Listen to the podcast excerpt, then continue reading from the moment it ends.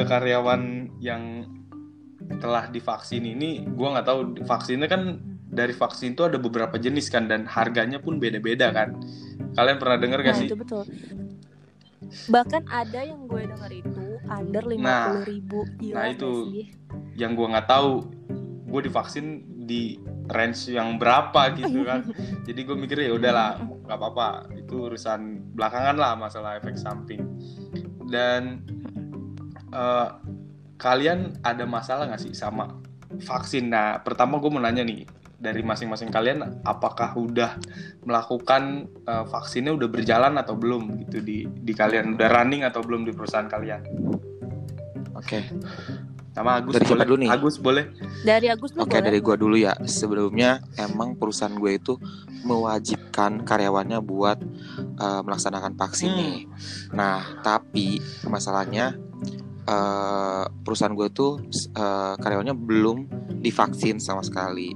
oh gitu Nah mungkin bertahap kali ya. Gue juga Hmm. nggak tahu juga sih. betul betul Iya, bertahap Nah, nah makanya tuh eh, sejujur-jujurnya gue emang juga belum eh, melaksanakan vaksin. Tapi sebagai eh, manusia yang bijak mengikuti Hmm. kebijakan pemerintah Iya, gitu kan, gue eh, setuju-setuju aja nih kalau misalkan nanti diri gue divaksin gitu. Oh, karena jadi oh, oke oke. Eh, Iya dilanjut. karena ya karena menurut gue justru eh kalau ngelihat dari awal flashback ya dari awal Mhm. tahun kemarin sampai sekarang Mhm. gitu ngeliat angka yang positif Positif. Oh, bertambah terus sampai- ya. sampai, Mm, sampai gue juga punya temen juga yang eh, kena juga gitu justru Oh, Mhm. gue juga ngerasa kayak ya emang harus divaksin gitu Betul, betul. daripada enggak gitu hmm, bener-bener. Jadi buat iya bener buat defense diri lu juga kan, defense yourself gitu. tuh Even Mhm. itu eh, si vaksinnya mau seperti apa, yang penting diri gua udah ini nih gitu. Maksudnya udah udah sehat lah. Gitu, Nah, jasmani gua. kayak udah ada tameng sebenarnya Nah, udah ada gardanya betul. gitu lah ya Jadi dari lu berarti setuju ya terhadap vaksin, nggak ada masalah ya Gus ya? Nggak ada ada nanti, masalah sih eh, si si vaksin ini udah mulai running di perusahaan lu. benar karena emang setahu gue dia itu dibagi periode sih Hmm. setahu gue ya Hmm. Eh, lu bisa jadi Google juga sih kalau setahu gue makanya kenapa gue belum vaksin mungkin gue nunggu tahap giliran kali ya karena dibagi beberapa periode sih kayak yang Hmm. periode satu aja nih tahap satu itu 1,3 juta tenaga kesehatan yang harus divaksin Oh. Itu periode satu tahapnya tuh dari Januari ke April 2021 Oh iya. tahap kedua itu sebanyak 17,4 juta untuk petugas publik Hmm. yang tidak dapat menerapkan jaga jarak secara efektif oh. yang artinya pekerja-pekerja kayak gua termasuk gitu ya pekerja-pekerja yang betul, betul. di maksudnya emang harus ketemu sama publik gitu sama orang benar-benar. gitu customer gitu kan tiap hari ya kan itu sih makanya mungkin gua nunggu giliran kali ya Oh, jadi memang ya perusahaan lu belum ya. Ada Iya. sanksi nggak sih Gus di perusahaan lu sebelum vaksin biasanya kan nih kalian harus vaksin. Jadi kalau misalkan ada yang nggak vaksin ada sanksinya seperti ini seperti ini. Dan yang gue dengar dari Perda itu peraturan Hmm. daerah kalau kita Hmm. nggak vaksin itu kena denda 6 juta gitu. Wow. Nah, cuman kalau kebijakan dari perusahaan masing-masing apakah ada kebijakan lain dari di luar peraturan Perda ini gitu. Mm. sejauh ini sih gua belum ada eh, apa namanya eh, peraturan denda atau segala macamnya Oh. cuman memang diwajibkan untuk Oh karyawan diwajibkan. Tapi belum ada Untuk karyawan. sanksinya belum tahu ya. belum tahu sih Hmm. itu Karena di tempat gua kemarin Hmm. selama eh, udah jalan kan vaksin gua di Hmm. seluruh karyawan gua itu semuanya oh karyawan gua berasa bos gua. Enggak maksudnya kawan-kawan di tempat lu iya karyawan-karyawan Iya, di iya, tempat iya, gua iya. kayak rekan-rekan gua semuanya itu udah vaksin dan ada satu eh, enggak satu sih ada beberapa orang yang memang nggak divaksin karena eh, kurang sehat gitu. Karena kan kita sebelum vaksin dicek tensi darah kita dulu nih. oh Mm-mm. diharuskan sehat gitu. Betul, diharuskan sehat. Kalau kita ada eh, misalkan ada lagi sakit gitu ya kan atau Hmm. lagi badan panas itu sampai nggak divaksin gitu temen beberapa temen gua ada yang kayak gitu kayak lu punya riwayat eh, penyakit dari keluarga Nah. kayak seperti jantung atau Iya. apa itu nggak bisa divaksin nah kejadian di perusahaan gua kemarin pada saat vaksin itu ada beberapa yang eh, nggak vaksin karena dia udah punya prinsip keluarganya nggak mau vaksin sampai dia Hmm. rela Hmm. Kena sanksi yang ada di perusahaan gua. Nah perusahaan gue ini Oh ya, sampai betul denda perusahaan gue ini vaks, eh, sang- sanksinya bukannya Hmm. denda sih dia Mm-mm. di luar dari peraturan daerah jadi punya sanksi sendiri. Lu nggak vaksin lu resign gitu. Oh, jadi Oh Hmm. iya, harus resign. resign. Betul harus resign. Nah makanya Oh, itu temen gue bener-bener bela-belain ya udah gue nggak apa-apa resign yang penting gue nggak divaksin gitu Wah. sampai Iya. sekeras itu prinsipnya gitu nah kalau dari si Tias nih dari sisinya Tias setuju nggak sama vaksin Kalau gue pribadi sih sejujurnya enggak kenapa sih. takut ini ini pendapat aja ya kan jadi sebenarnya kalau misalkan kita lihat dari berita-berita yang ada jadi vaksin itu sebenarnya sih ada jangka pendek sama ada jangka panjang untuk hmm. efek oh sampingnya iya benar-benar benar benar dan menurut gue efek jangka panjangnya itu yang menurut gue sih bukan bukannya kita membaik tapi malah kita memburuk secara imunitas kita kalau efek jangka panjangnya juga masih berjalan ya down lah ya Hmm. kan apalagi kalau misalkan vaksin itu sebenarnya kan ada Hmm. beberapa syarat-syarat nih. Nah itu kan lo tau lah kalau misalkan punya penyakit yang tadi Alfi bilang misalkan ada penyakit riwayat jantung atau mungkin yang berbahaya justru itu malah membahayakan sih. Hmm, jadi menurut gue lu nggak setuju? bukannya sampai Eh, gue nggak bukan setuju lu nggak setuju. apa? Karena lu takut. Biasanya nih kayak orang-orang kayak Iya. gini nih pas SD lagi diimunisasi Nah, kabur. ini biasanya tuh. Kalau nggak pingsan nih. Kalau nggak pura-pura berak. iya pura-pura berak Tapi sebenarnya ya Yas, kalau menurut gua vaksin itu sebenarnya bukan eh, langkah pengobatan sih, tapi lebih ke langkah pencegahan. Jadi menurut gua kayak Hmm, benar. kalau misalkan dibilang kayak kata lu kalau misalkan ada penyakit jantung darting itu nggak boleh vaksin setuju gue tuh kayak misalkan emang oh boleh iya riwayat gitu gitu kan, kan riwayat. emang vaksin bukan buat pengobatan gitu tapi Mm. buat pencegahan si virus Mm. itu gitu betul betul jadi kalau misalkan Mm. eh, yang sehat-sehat sih wajib sih menurut gua iya benar-benar Iya betul sih. Iya maksud gue gitu kalau misalkan eh, yang punya penyakit tidak diperbolehkan, ya maksud gue harusnya ada cara lain juga. Maksudnya di sini kan kita mikirnya untuk orang yang tidak memiliki riwayat dan orang yang memiliki riwayat. Hmm. Justru kan orang yang memiliki riwayat penyakit justru dia yang butuh Hmm. dong, maksudnya lebih membutuhkan karena kalau misalkan eh, orang yang punya kayak ada nih temen gue terus dia kena uh, corona covid terus habis itu kayak dia yang biasa-biasa aja banget gitu loh. Kayak misalkan uh, karena menurut kita yang sehat imun kita tuh nggak nggak punya penyakit jadi maksudnya masih batas wajar untuk itu. Pa- paling dia nggak ada rasa tapi maksudnya dia masih bisa uh, apa ya maksudnya ngelakuin sesuatu hal aktivitas. Cuma kan kalau misalkan dia yang udah terpapar penyakit terus abis itu dia kena Hmm. covid juga lo kebayang gak sih pernah di trending tuh di YouTube apa namanya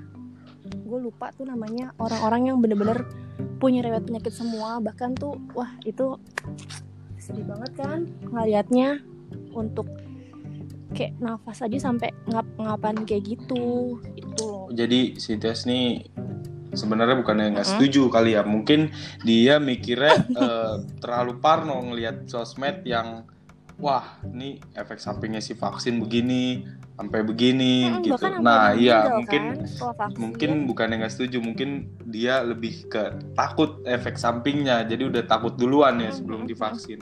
Karena kan lu nggak tahu kan iya. yang digunakan itu di range berapa harganya kan kita nggak tahu. Nah itu sih menurut gue yang jadi rancu gitu kan. Maksudnya secara Hmm, eh, pemerintah juga belum mengedukasi masyarakat nih mengenai betul. eh, price eh, harganya nah sama iya. Eh, manfaat si vaksin betul kandungan Misalkan yang contoh kan harga lima ribu kan. itu manfaatnya kayak gimana atau yang harganya Hmm. seratus ribu manfaatnya bedanya di mana gitu jadi menurut gua Hmm, pemerintah itu belum mengedukasi masyarakat tentang itu gitu sedangkan hmm. kayak mungkin eh, kayak kaum menengah ke bawah ya udah pasti pilih yang paling murah gitu kan murah paling murah Nah, benar gitu ya Murah, tanpa betul-betul. mereka tahu kalau misalkan eh, manfaat dan keuntungannya tuh berbeda sama yang lebih mahal mungkin. Karena kan udah pasti beda dong dari harga udah beda pasti betul.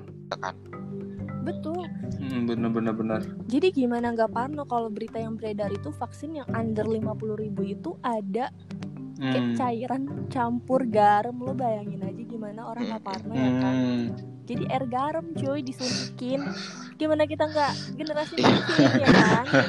Oh, udah generasi micin makin micin ya kan nah makanya. Jadi eh, gua sih sempat baca karena eh, di eh, sa- mungkin seharusnya si pemerintah ini harusnya mensosialis- mensosialisasikan dulu ke masyarakat ya yang digunakan vaksinnya ini dan akan aman akan ini akan ini. Maksudnya lebih disosialisasikan lebih detail gitu ke masyarakat ya terhadap vaksin ini. Mhm.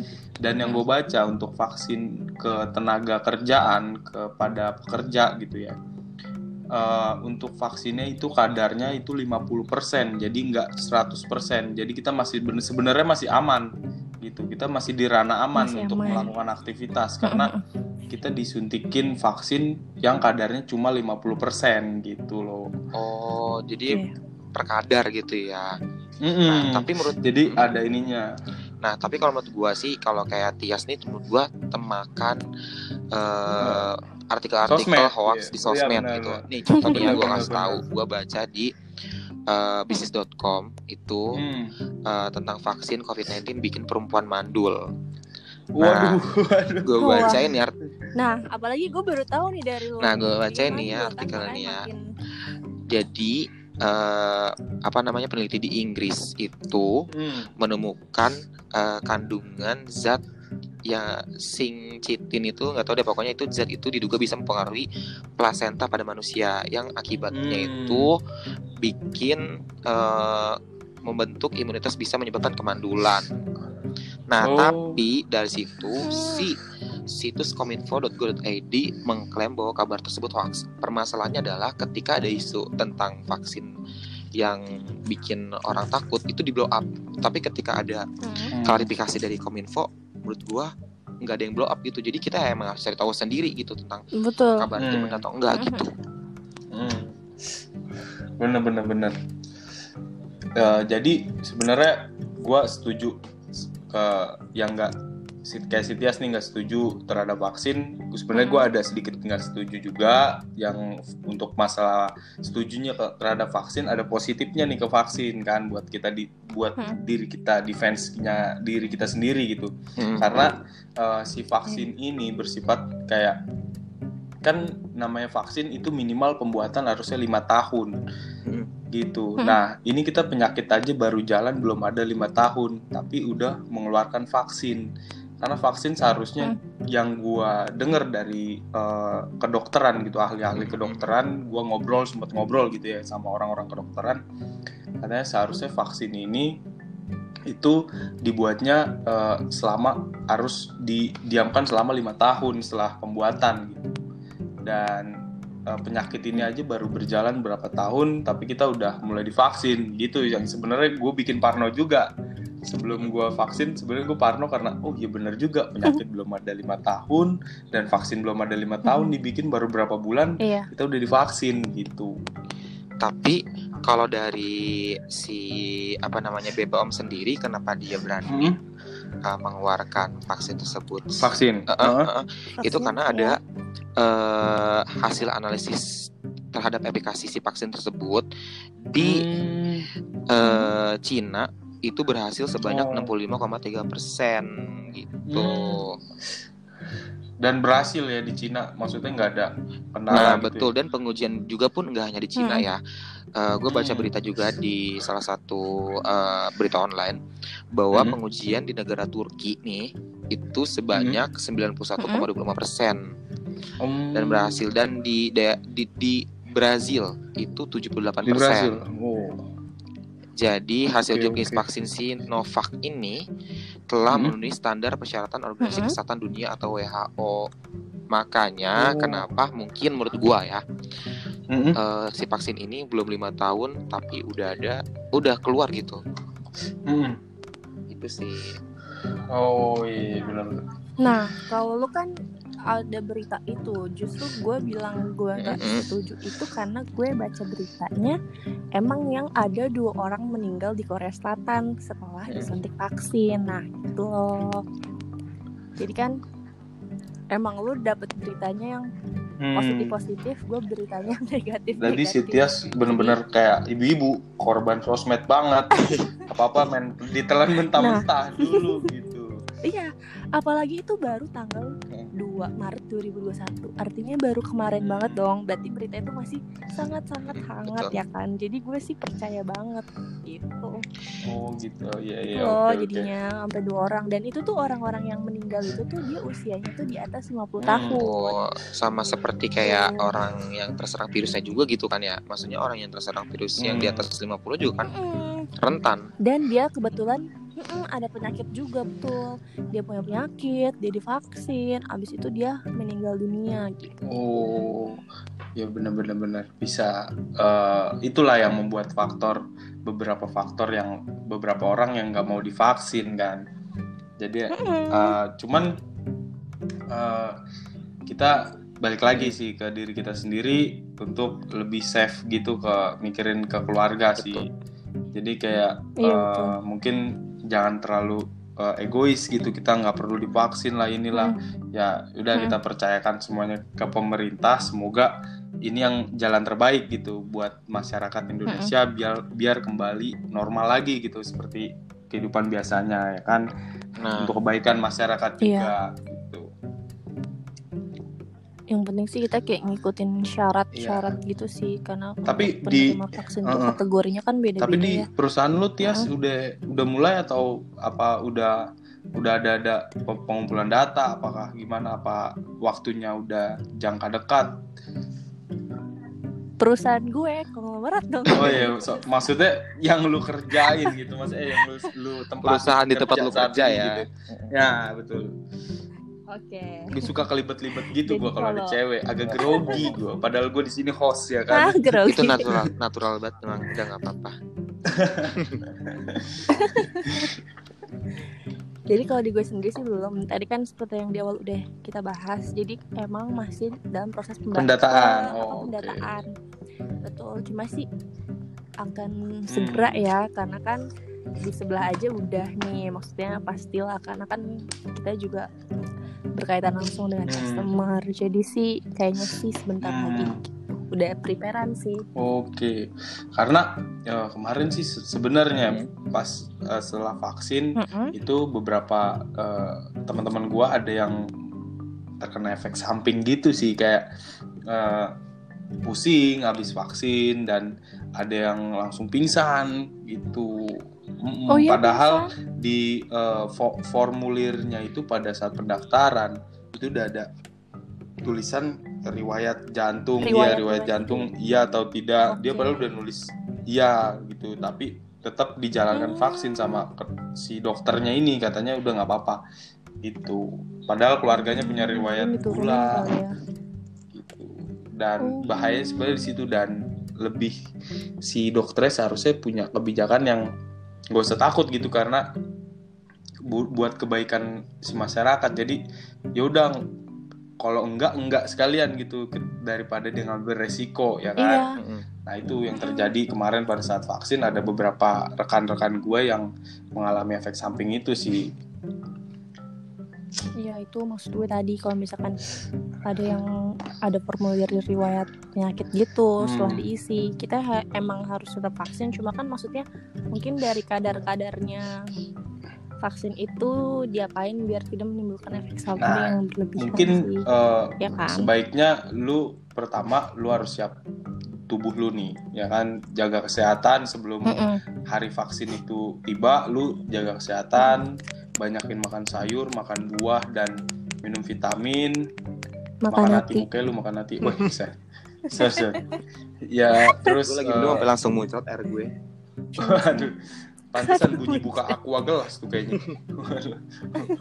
nah, lu harus siapin diri eh, minum vitamin dan yang paling penting sih sarapan. Sebelum lu vaksin lu harus isi dulu nih perut lu nih, nggak boleh kosong gitu. Dan ada sampai beberapa orang yang bawa air kelapa hijau, cuy.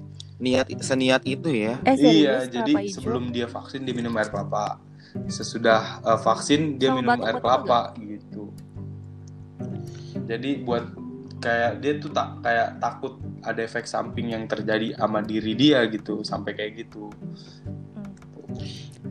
Nah, by the way kan tadi ngomongin teman-teman lo nih kalau lo sendiri gimana setelah vaksin? Oke-oke aja. Tadi malah efeknya bikin lapar. ya. Lapar Rasa dan lapar terus ya? bikin lapar gua. Iya. Tapi lu sendiri ada prepare aneh. juga nggak?